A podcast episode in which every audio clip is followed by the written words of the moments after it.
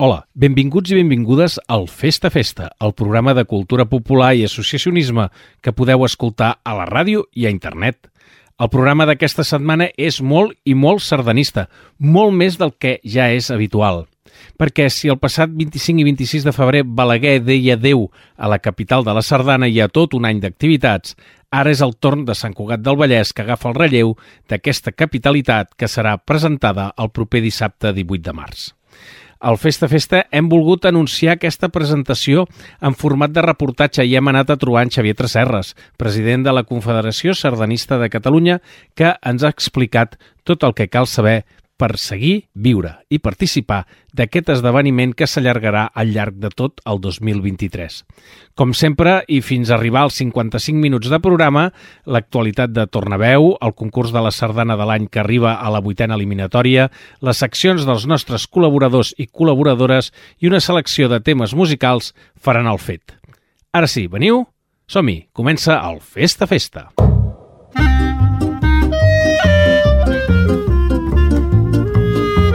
Festa, festa!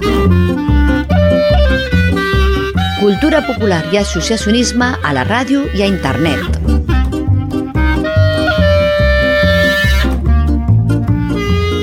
Aquest Festa Festa és el 679 en presència a internet i el 2468 de tota la seva història que va començar al mes de setembre de 1989 i que trobareu penjat al web www.festafesta.cat a partir del divendres 10 de març de 2023, diada de Sant Macari.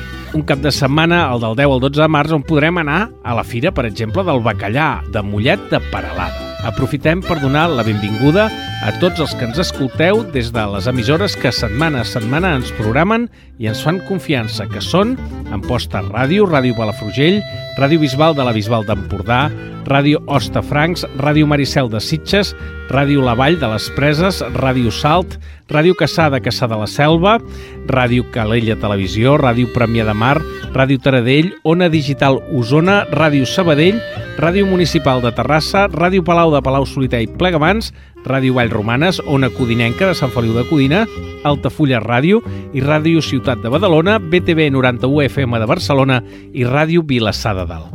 Recordem que també ens podeu escoltar a través de les aplicacions de podcast, Apple Podcast, Google Podcast, Spotify i Overcast, i que també podeu accedir als continguts del Festa Festa des del VilaWeb, des del Tornaveu i des de barcelona.cat barra Cultura Popular, la web de l'Institut de Cultura de Barcelona. I com sempre, recordeu que ens podeu seguir per les xarxes socials, Facebook, Twitter i el nostre canal de Telegram. Festa, festa! amb Amadeu Carbó. El cap de setmana del dissabte 25 i diumenge 26 de febrer, Balaguer va cloure oficialment la seva capitalitat sardanista que ha capitanejat aquest darrer any. Amb aquesta clausura, Balaguer donava el relleu a Sant Cugat del Vallès. Aquesta població del Vallès Occidental es proclamarà, doncs, capital de la Sardana el proper dissabte 18 de març. Al Festa Festa n'hem volgut parlar i avançar-nos una mica, poc gaire, el que a partir del proper dissabte 18 de març anirà succeint. No cerquem cap primícia, però vés a saber, eh? Mai se sap. Per tot això hem anat a trobar en Xavier Tresserres, president de la Confederació Sardanista de Catalunya, l'entitat impulsora d'aquest esdeveniment, perquè ens posi al dia de tot el que cal saber sobre la capital de la Sardana. I nosaltres, que ens agrada saber de què parlem, quan parlem, li hem demanat a Xavier Tresserres que ens faci 5 cèntims de què és la capital de la Sardana, com neix i què pretén. La capital de la Sardana sorgeix quan antigament, a través de l'obra de la Vella Popular, es feia la ciutat pública de la Sardana. Fa uns 14 anys, la Junta que hi havia en aquell moment encarrega en Víctor Sallés la modificació d'aquest esdeveniment, de tal manera de modernitzar les noves idees que portava la federació. I això va ser un pacte que va néixer entre l'obra del Paller Popular, la Federació Sardanista de Catalunya i l'Unió de Colles.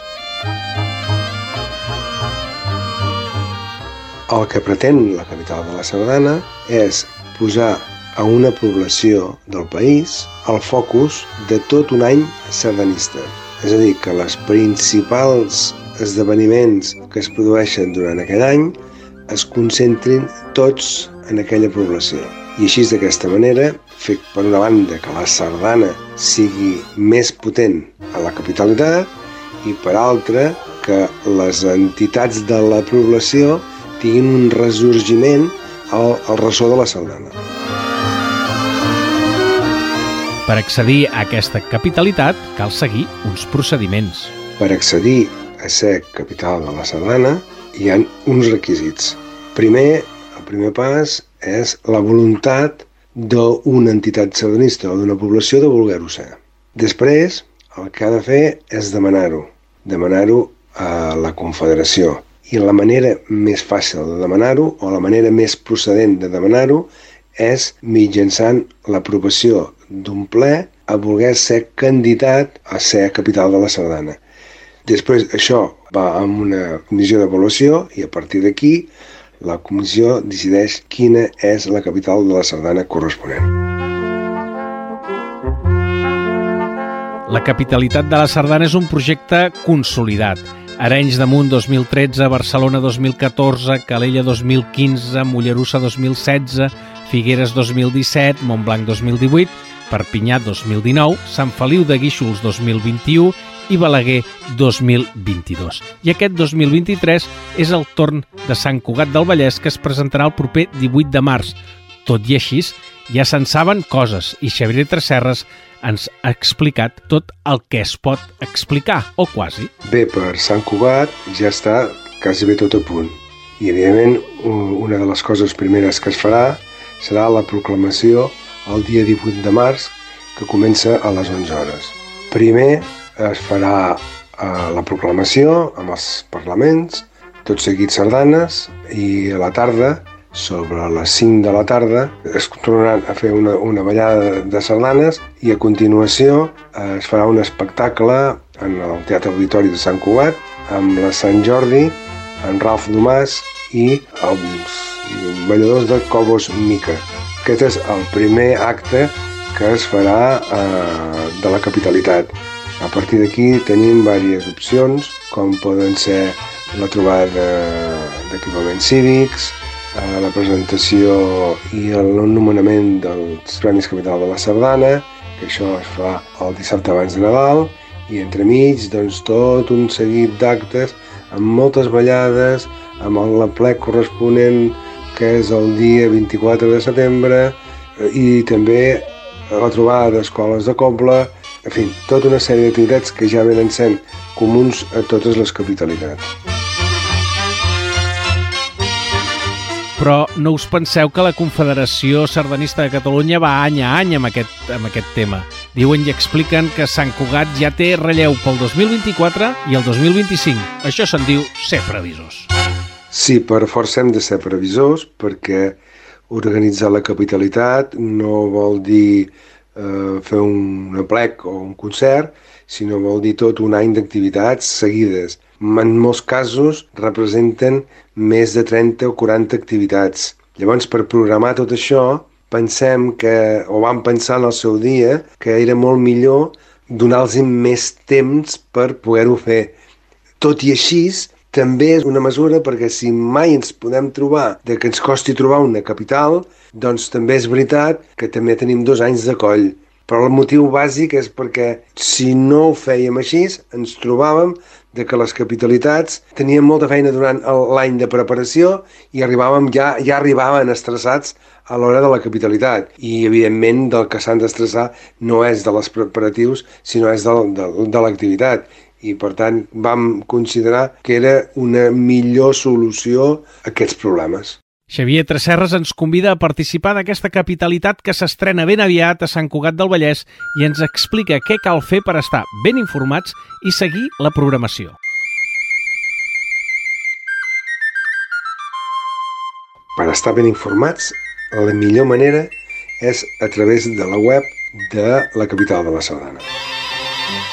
Allà hi ha totes les activitats que es faran i que s'han fet i que a més a més amb reportatges i, i amb totes les coses necessàries perquè la, la població pugui saber exactament què i quan es faran les coses. Aquesta web s'actualitza mm, quasi bé diàriament a través de la pròpia capitalitat i per tant vol dir que no hi surten coses que no, no hi hagin de sortir. Només hi surt el que realment s'està programant. Per tant, és molt interessant és molt interessant que a través d'aquesta web estigueu ben informats. Però el que sí us puc dir és que totes les activitats són interessants. Ja per començar, el dia de la proclamació, que el dia de proclamació serà una cosa molt interessant, molt espaterrant, molt ben feta. S'ha preparat una proclamació molt acurada i el concert de la tarda també serà espectacular. Aquest concert, pels que ja que, que visiteu o que veieu coses de, de cultura popular, és la, el concert que es va fer al Festival Anso de Cobra de Palamós aquest estiu passat. Per tant, el del Raf Domàs ja tenia una primera versió només amb la cobla, però aquesta vegada se li ha hagut donar un plus especial amb el Cobus Mica, un conjunt, un grup de balladors que jo crec que es faran, es faran, ens faran les delícies a tots els que hi anem. Per tant, espero veure-us-hi a tots i passarem, passarem revista. Moltes gràcies, Xavier Tresserres, president de la Confederació Sardanista de Catalunya. Nosaltres, com sempre, des del Festa Festa, estarem atents a tota l'actualitat que generi a Sant Cugat del Vallès, capital de la Sardana 2023. Nosaltres ara continuem amb el programa. Festa, festa!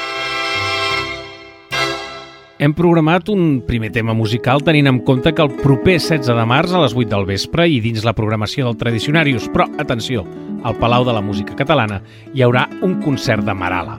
És per això que ara escoltarem el tema Rossinyol, de Marala. Aigua pura i fresca que surt brillant d'entre les roques cristal·lina ets.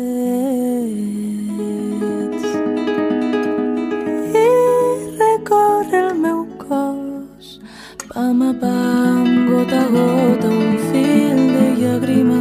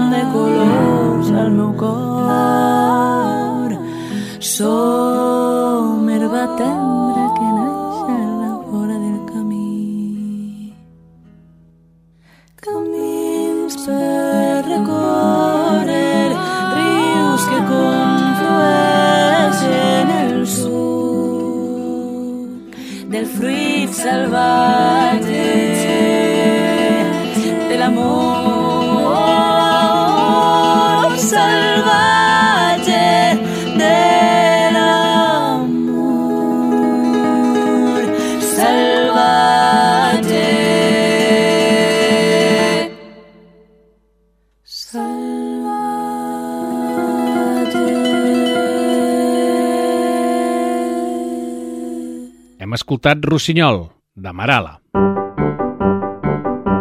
Festa, festa! La Cristina Costa, de l'ENS de l'Associacionisme Cultural Català, cada setmana ens fa una selecció de notícies en forma de breus. Són les notícies del Tornaveu. Endavant! Moltes gràcies, Amadeu. Festa, festa! Les notícies del Tornaveu. Doncs una peça del patrimoni puntaire català ha viatjat per primer cop a l'estranger. La peça, titulada Ensueño, es troba al Museu de la Punta d'Abenberg, a Alemanya, en una exposició dedicada a l'artista alemanya Gabriel Groman. L'obra forma part de la col·lecció de peces de l'Associació Catalana de Puntaires i que l'entitat ha cedit temporalment al museu. Es tracta d'un treball de punta contemporània de 40 per 40 centímetres, fet en fil de colors pastel, amb què l'artista va guanyar el 2007 el concurs internacional de puntes Paleta Pastel, organitzat per l'Associació Puntaire. L'exhibició es podrà veure fins a finals d'any. I del 18 al 26 de març arriben les festes de Sant Josep Oriol al barri del Pi, a Barcelona. Entre els actes destacats s'hi troben el toc d'inici, la popular passejada dels Oriols, l'ofrena floral a Sant Josep Oriol, les plantades de bestiari o les matinades de grallers. Com a novetat, un dia abans de l'inici oficial de la festa, divendres 17 de març, tindrà lloc la presentació del conte Els gegants del Pi, l'origen de la cançó, a la Casa dels Entremesos. La publicació ha estat editada per l'Associació d'Amics dels Gegants del Pi i l'editorial El Cep i la Nansa. El programa complet de les festes es pot consultar al portal web www.tornaveu.cat. I per acabar, ja arriba la temporada de passions. Aquest dissabte 11 de març arrenca la presentació oficial de la temporada que se celebrarà al Monestir de Poblet. La Federació Catalana de Passions, constituïda l'any 2015, és l'encarregada de batllar per mantenir aquesta tradició cultural i popular catalana, datada des del segle XV. Durant tot aquest mes i fins a principis de maig, poblacions com Olesa de Montserrat, Esparreguera, Cervera o Constantí acolliran diverses representacions. Per comprar les entrades només cal visitar el portal web www.fcpassions.cat. Gràcies, Cristina Costa, i fins la setmana que ve. Festa, festa! I arriba el moment de la sardana de l'any, el concurs radiofònic on els oients voten les sardanes estrenades, en aquest cas, en aquesta edició, les del 2022, i que competeixen entre elles per arribar a un concert final on s'escollirà la sardana de l'any. Aquesta setmana arribem a la vuitena eliminatòria i ens la presenta, com sempre, la Mercè Herrero.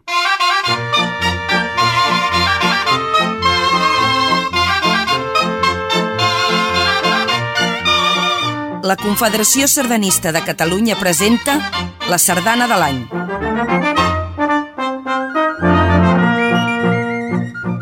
Vuitena eliminatòria. Sardana número 1. Balanyà, més de mil anys d'història. De Carla Santiago. Cobla principal de la Bisbal.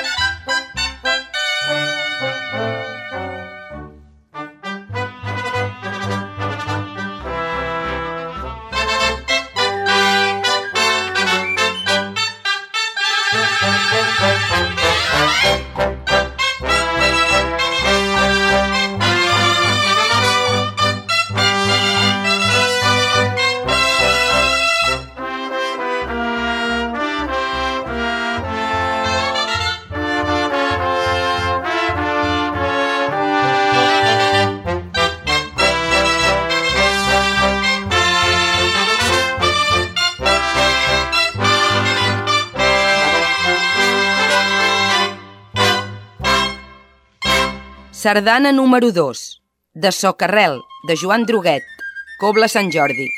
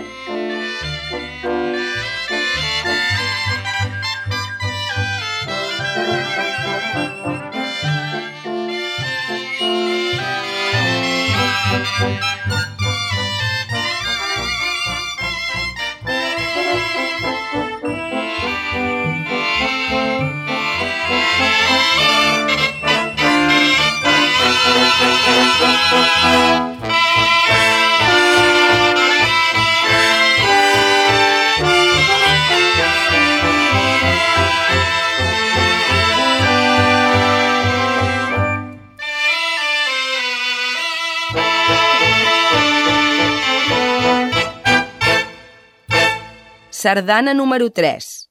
Casino Castellarenc, 1888, de Jordi Feliu Horta. Cobla principal del Llobregat.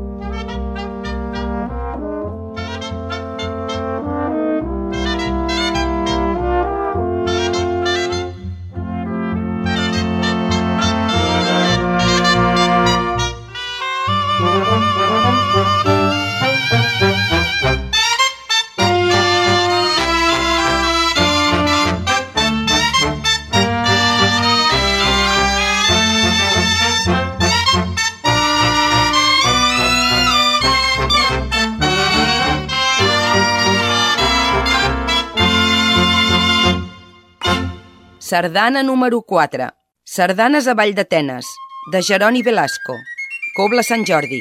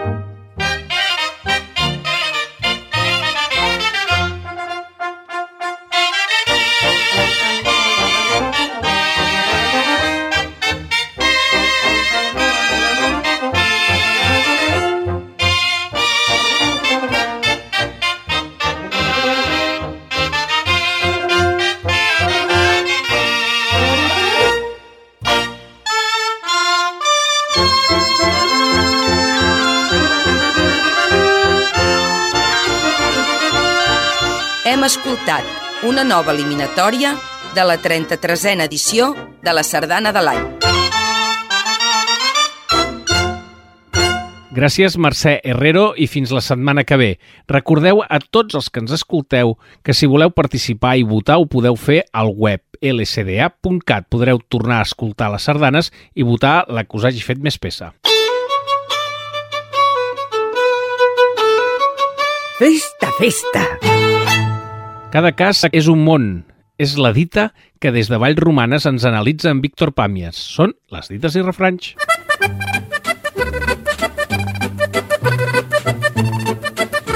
Fes de festa. Dites i refranys. Amb Víctor Pàmies. Cada casa és un món. Vol dir que cada família té els seus costums i la manera pròpia de veure les coses. Casa nostra és la nostra intimitat, allò més propi de cadascú. És com un petit reialme. I tan petit, com que cada vegada costa més tenir i mantenir aquelles quatre parets que ens han d'acollir i protegir, per molt que per llei tinguem dret a una casa digna. Perquè cada vegada costa més tenir una llar pròpia i les condicions d'aquestes llars cada cop són més precàries. Cases que són un cop de puny, on no hi ha espai per les persones i les seves coses.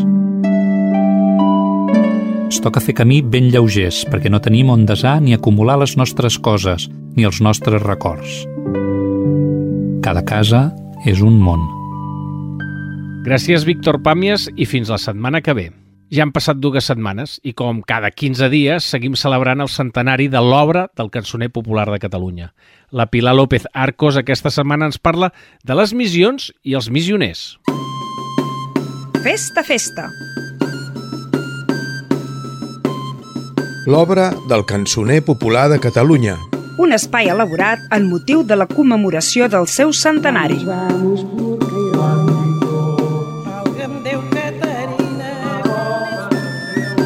Documentat i presentat per Pilar López Arcos. Càpsula 13. Missions i missioners. Higini Anglès, Pere Buigas i Josep Barberà. Una cançoneta jo la vull cantar. Encetem un seguit de càpsules dedicades als missioners de l'obra del cançoner. En elles farem un recorregut per la seva formació dins el camp de la música i les lletres, que ens farà conèixer qui eren i alhora entendre per què van arribar a ser seleccionats per a formar part activa en les missions de recerca, per a realitzar el que en etnomusicologia i també en altres disciplines es coneix com a treball de camp. Mossèn Higini Anglès i Pere Buigas participaren l'any 1922 en una de les dues primeres missions de recerca. Aquesta es va dur a terme en dues fases, pel Solsonès entre els mesos de juliol i agost i pel Berguedà entre els mesos de setembre i octubre. Veu sabeu prou pare, veu sabeu prou vos, que m'aneu casada amb un maleiró. Higini Anglès, fill de Mas Pujols, al Baix Camp, va estudiar al Seminari de Tarragona i va ser ordenat sacerdot l'any 1912. Va estudiar contrapunt, fuga i orga amb Vicenç Maria de Givert, història de la música i musicologia amb Felip Pedrell, paleografia i cant gregorià amb el pare Gregori Maria Sunyol i cançó popular i composició amb Josep Barberà, que també va col·laborar com a missioner a l'obra del cançoner, completant els seus estudis a Alemanya. Va ser cap del Departament de Música de la Biblioteca de Catalunya i professor al Conservatori del Liceu i a la Universitat de Barcelona. Fundador i director de l'Institut Espanyol de Musicologia, l'any 1947 fou designat director del Pontifici Institut de Música Sacra a Roma. Entre molts altres, són importants els seus estudis i treballs sobre la música a Catalunya fins al segle XIII i la música barroca hispànica. Una matinada fresca, tra-la-la-la-la, quina fresca hi feia. D'altra banda, el vilafranquí Pere Buigas es doctorà en Filosofia i Lletres a la Universitat de Barcelona, on fou professor de paleografia, i completà la seva formació a París i Anglaterra. va exercir de professor a l'Escola de Bibliotecàries i dirigir la Biblioteca Catalana d'Obres Antigues. Va ser membre de l'Institut d'Estudis Catalans i president de la secció filològica. La vostra amor donzelleta, tra-la-la-la-la, quina fresca hi feia. Finalment, Josep Barberà, nascut a Barcelona, realitzà els seus estudis musicals al Conservatori del Liceu i fou alumne de Felip Pedrell. Maria Montessori li encarregà un estudi sobre l'educació musical als infants de les seves escoles. Fou professor d'harmonia, contrapunt, fuga, composició i instrumentació al Conservatori del Liceu, que dirigia en aquells moments Joan Lamot de Grignon. I si ells us la donen, quina fresca hi feia. Josep Barberà participà juntament amb Pere Boigas en tres missions de recerca. Una, durant els mesos de setembre i octubre de l'any 1923 per l'Alta Sagarra, el Cardoner i Ribera del Segre. Les altres dues, els estius dels anys 1924 i 1925, per Cervera i en contorns, i pel Vallès. Aquesta darrera, efectuada en tres etapes. El pare guarda les cabres, tra-la-la-la-la, quina fresca hi feia. I el meu germà, los crestats, tra-la-la-la-la, quina fresca hi fa. Gràcies, Pilar López, i ens retrobem d'aquí dues setmanes. Festa, festa! Escoltarem un tema dels Corrandes són Corrandes, però, si voleu, els podeu escoltar en directe, perquè el proper 17 de març, a dos quarts de nou del vespre, al CAT del barri de Gràcia de Barcelona, en les nits del Ball Folk, hi haurà una vetllada doble, ja que també podreu ballar amb l'orquestina Trama i podreu doncs, escoltar els Corrandes són Corrandes. D'aquest grup, dels Corrandes són Corrandes, escoltarem un tema doble també. D'aquí estan Veig una estrella, Vall de la Talura. D'aquí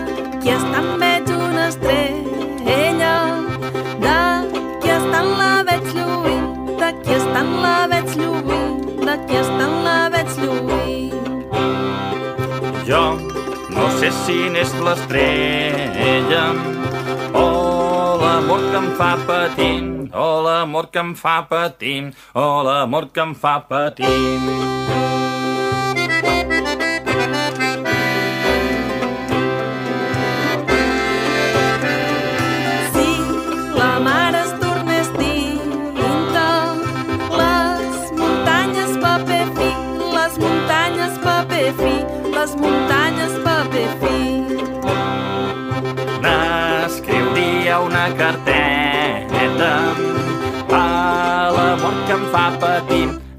L'amor que em fa patir, a l'amor que em fa patir.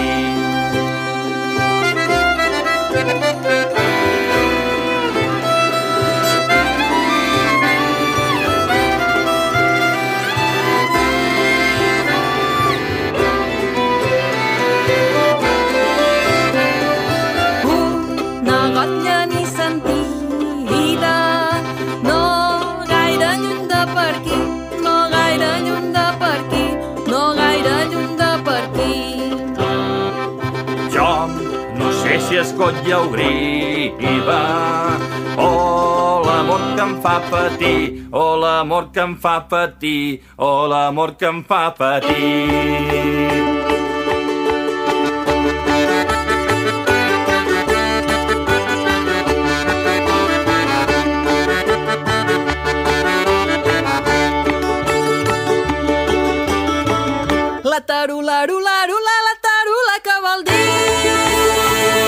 Dos pardals en una espiga no s'hi poden sostenir. Dos padrins amb una nina no s'hi saben avenir. La talura de les puces s'ha comprat un violí. Per a fer ballar les dones al vespre i al matí. Jo em pensava burlant d'elles i elles s'han burlat de mi. La talada del meu pare fa ballar la mare al llit, canta-li una cançoneta que dura tota la nit. La talura, lura, lura, la talura, lura, la, la talura, lura, lura, la talura molt ben va. Si voleu ballar corrandes, aneu-hi a Camp Bordon, que les ballen a les fustes amb el puntier del forn. La talura, lura, lura, la talura, lura, la, qui sap tallar la talura pot anar pel món enllà. Hem escoltat D'aquí estan veig una estrella, Vall de la Talura, un tema que són dos o dos temes que són un, però ells són els corrandes són corrandes. La Berta Miró i en Nico Alonso arriben amb les seves històries de gegants. Aquesta setmana, els gegants del barri de la Mercè de Targa.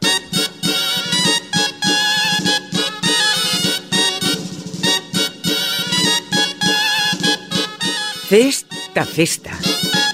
Històries de gegants. Amb guió de Nico Alonso i la veu de Berta Miró. Els gegants del barri de la Mercè de Tàrrega foren adquirits l'any 1870 per dos coneguts veïns del barri de la Mercè Targarí, en Miquel del Bitxo i Antonet de la Xaqueta. Fins fa uns anys es deia que els havien adquirit a Barcelona, però actualment es diu que segurament els devien d'haver fet ells mateixos.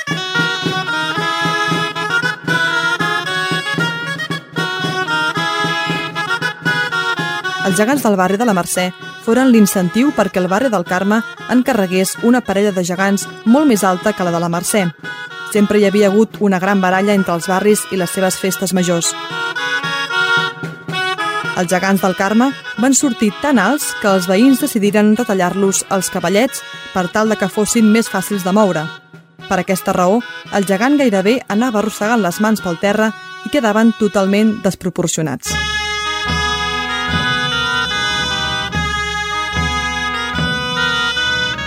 L'any 1939, acabada la Guerra Civil, els gegants de la Mercè foren restaurats a fons.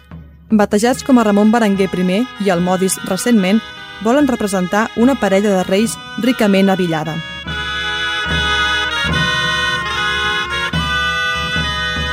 Des del 2005, que els gegants de la Mercè no han sortit fora de la ciutat, ja que pesen molt i tenen un gran valor. L'any 2009, Tàrrega va ser ciutat gegantera de Catalunya i aquesta parella de gegants tan sols van ser presents en alguns dels actes. Així, els gegants més actius de la ciutat són els de l'Ajuntament, Eloi i Alba, còpies dels originals del 1955, els del barri del Carme, l'Hereu i la Pobilla, còpies dels originals del 1953, i els del carrer Major, Jaume I i Violant d'Hongria, còpies dels originals del 1953. Tàrrega també compta amb un bon nombre de gegantons a les escoles, així com els populars Miqui i Mini o els gegants del carrer Sant Joan, l'Escamarlà i la Sípia.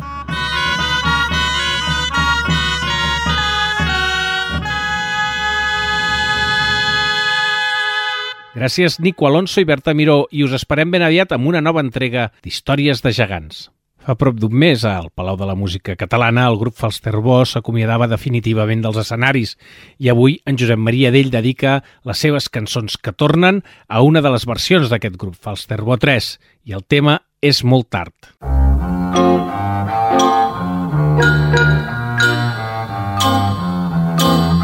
Festa, festa!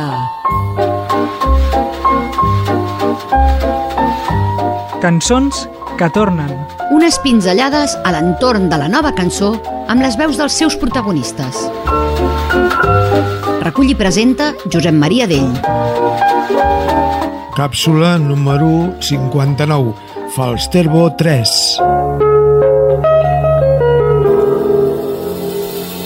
Parlar de Falsterbo 3 és sobretot parlar d'Eduard Estivill, però no només de l'Eduard Estivill, perquè la història de Falsterbo és múltiple, des dels inicis l'any 1967 dins del gran projecte global del grup de folk de Barcelona.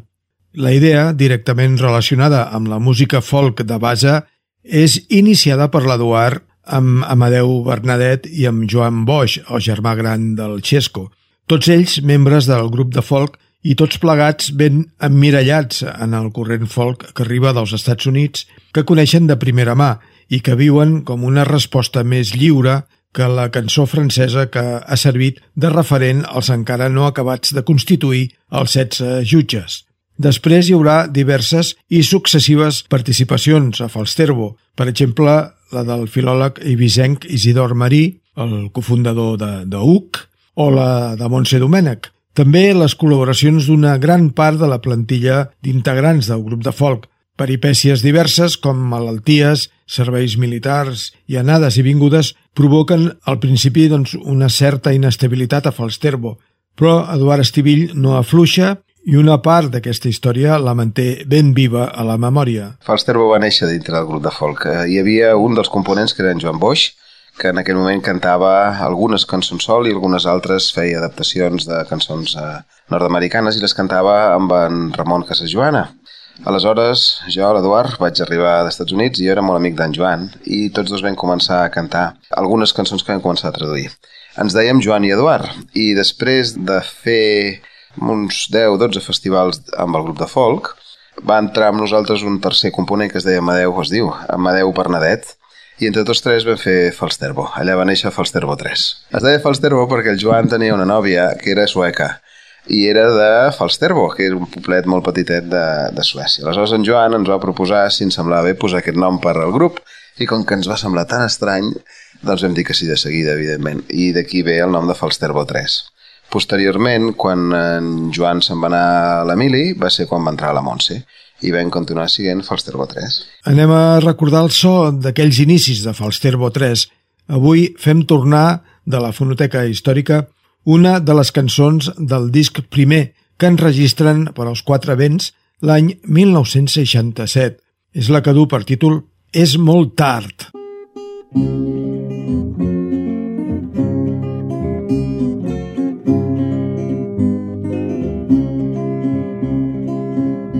És molt tard, massa tard per aprendre. Tot és fang, tot. Sense tu tot l'amor és tan sols cendra. Tot és fang, tot és fang. Tu te'n vas cap enllà sense dir ni un adeu. No sabrem quin camí has d'agafar. Bé, jo et vull estimar tant, però te'n vas del meu costat.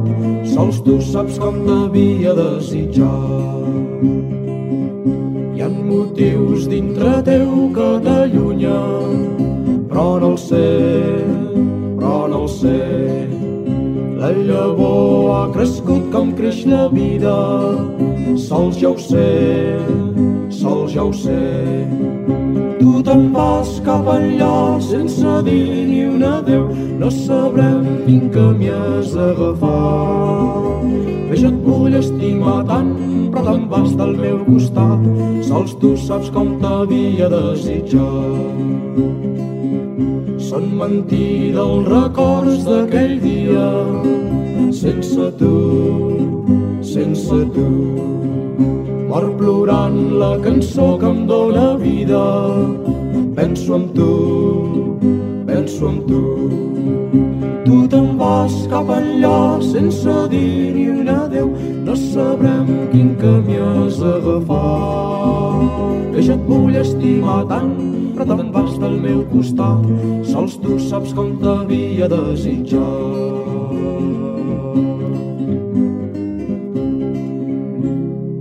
És molt tard, una cançó enregistrada l'any 1967 en els inicis de Falsterbo 3, els nostres protagonistes d'avui en aquest espai on fem possible que tornin les cançons al Festa Festa. Gràcies, Josep Maria Dell, i fins la propera. Festa, festa! Anem cap al Museu Etnològic de Barcelona, allà a la muntanya de Montjuïc, on ens espera en Gustau Moles per descobrir-nos un dels secrets que amaga aquest museu. Endavant!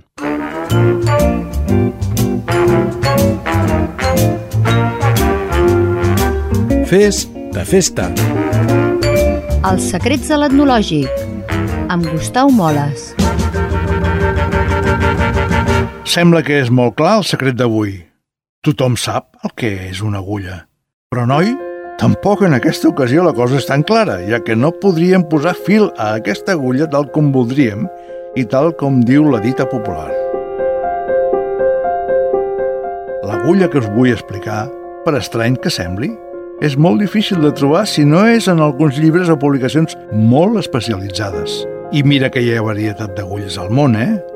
Des de l'agulla de cosir, la de ganxet, la de fer mitja, la d'estendre roba, la de cap, la hipodèrmica, aquella que ens fa una mica de respecte, la de corbata, la de baster, de brodar, la de xarxa, de sabater, la sequera, la d'espardanyer. Doncs no és cap d'aquestes, noi. I no us penseu que s'acaba aquí amb els tipus d'agulles, però no us les diré totes perquè començaríeu a badallar i no és el que pretenc. D'altra banda, una mica d'informació sí que val la pena.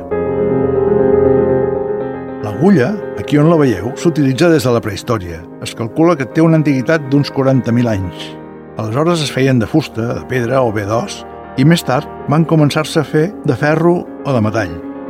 El forat de l'agulla ja és esmentat a la Bíblia en la coneguda dita «És més fàcil que un camell passi pel forat d'una agulla que no pas que un ric entri al regne de Déu». Avançant una miqueta, segons els estudiosos, fa aproximadament mil anys que els xinesos fabricaven agulles d'acer i els àrabs van ser els qui van portar-les a Europa. Però si us haig de ser sincer, l'estri del qual vull parlar-vos, aquesta agulla tan difícil de trobar al nostre paller, és l'anomenada agulla de guarniment.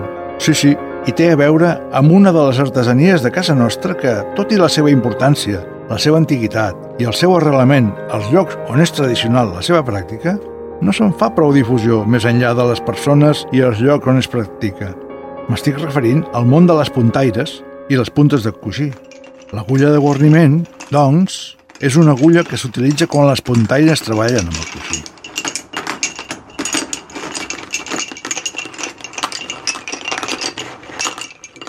I ara dec parlar-vos inexcusablement d'una dona, Adelaida Ferrer Gomis, nascuda a Barcelona el 1881 i traspassada el 1955. Fou una mestra, historiadora barcelonina i puntaire. Dedicada la seva vida a la investigació i l'ensenyament. Bona part de la seva vida professional va ser a l'Escola Municipal d'Oficis per la Dona i va ser-ne professora de brodats i puntes des de 1911. L'esperit de pedagoga d'Adelaida queda ben palès en les seves activitats en el tèxtil considerades femenines, especialment el que fa referència a la punta. En va fer molta divulgació, sobretot a l'ensenyament, però també en nombroses conferències i articles. És considerada la gran historiadora de la punta a casa nostra. Els seus estudis van publicar-se, per exemple, al butlletí dels Museus d'Art de Barcelona, institució en la qual col·laborà. De les investigacions de Ferrer se'n obtenen infinitat de dades de gran valor i utilitat a l'hora de conèixer la història de la producció tèxtil tant a dins com a fora de les nostres fronteres. Al mateix temps, va fer una important tasca de documentació i catalogació dels fons dels museus d'art de Barcelona. Pel que fa a la punta al coixí, en els seus articles queda clar que és una gran coneixedora del seu passat, però també del seu present, tant a Catalunya com a la resta d'Europa.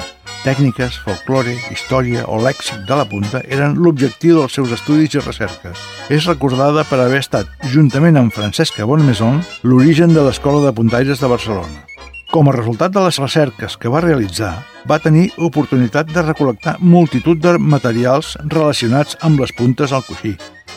És així com l'any 1951, en aquest moment és quan Adelaida Ferrer, el Museu Etnològic i la nostra agulla s'encreuen, gràcies a la seva relació amb els museus barcelonins, decideix fer una donació a l'Arxiu Històric de Barcelona, dirigit per Agustí Duran i Sant Pere, també director del museu, de més de mil cartons de patrons de puntes recol·lectats a Arenys de Mar, Arenys de Munt, Sant Boi de Llobregat, el Masnou, Malgrat, Alella, Pineda, Premià de Mar i Vilassar de Mar, alguns mostraris, buixets i unes agulles de guarniment amb cap de vidre, totes elles de vidre treballat amb diferents figures. Malauradament, a algunes de les agulles amb cap de vidre que conserva el museu se'ls va desenganxar l'agulla de ser, però la majoria estan en perfecte estat de conservació. I podem trobar, entre d'altres, un vaixell de vela, un dimoni, un setrill, un cèrvol, un ocell, una gallina, un cistell, un porró i fins i tot un futbolista xutant la pilota.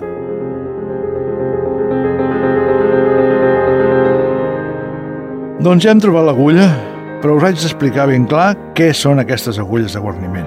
Les puntaires, quan comencen una punta, utilitzen agulles de cap corrents per guiar els fils, tot seguint el patró dibuixat al cartó que han fixat al coixí. Aquest patró va fixat amb unes agulles força més grosses que les de cap. Són les agulles de guarniment. N'hi ha de senzilles, amb una boleta de vidre al cap, però Adelaida Ferrer va recol·lectar-ne d'excepcionals. Són les que hi ha al museu. I ja som al cap del carrer.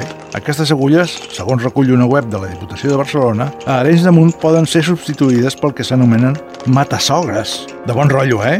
que són les agulles que antany duien les senyores als barrets i que, com les anomenades perpals, serveixen per fixar els patrons al coixí.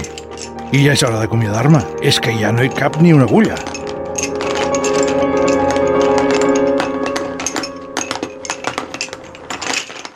Moltes gràcies, Gustau Moles, per aquest secret de l'etnològic i amb aquest ja en van 103. Festa, festa!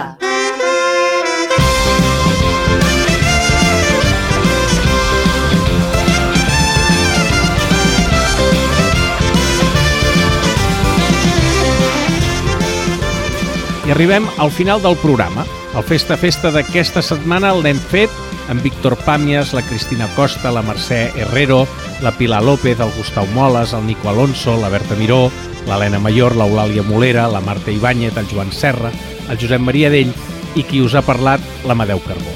La setmana que ve hi tornarem i us parlarem, entre d'altres coses, de la Robertiada, la trobada de cantadors que celebrarà el proper 25 de març a l'ermita de Santa Caterina de Montgrí. Ara marxem escoltant una sardana, la guanyadora de la setena eliminatòria de la sardana de l'any, i que passa a la semifinal. Es tracta de la sardana Els colors de l'estany d'Anna Abad, interpretada per la copla La Principal del Llobregat. Amb ella us diem adeu i fins la setmana que ve. Mm -hmm.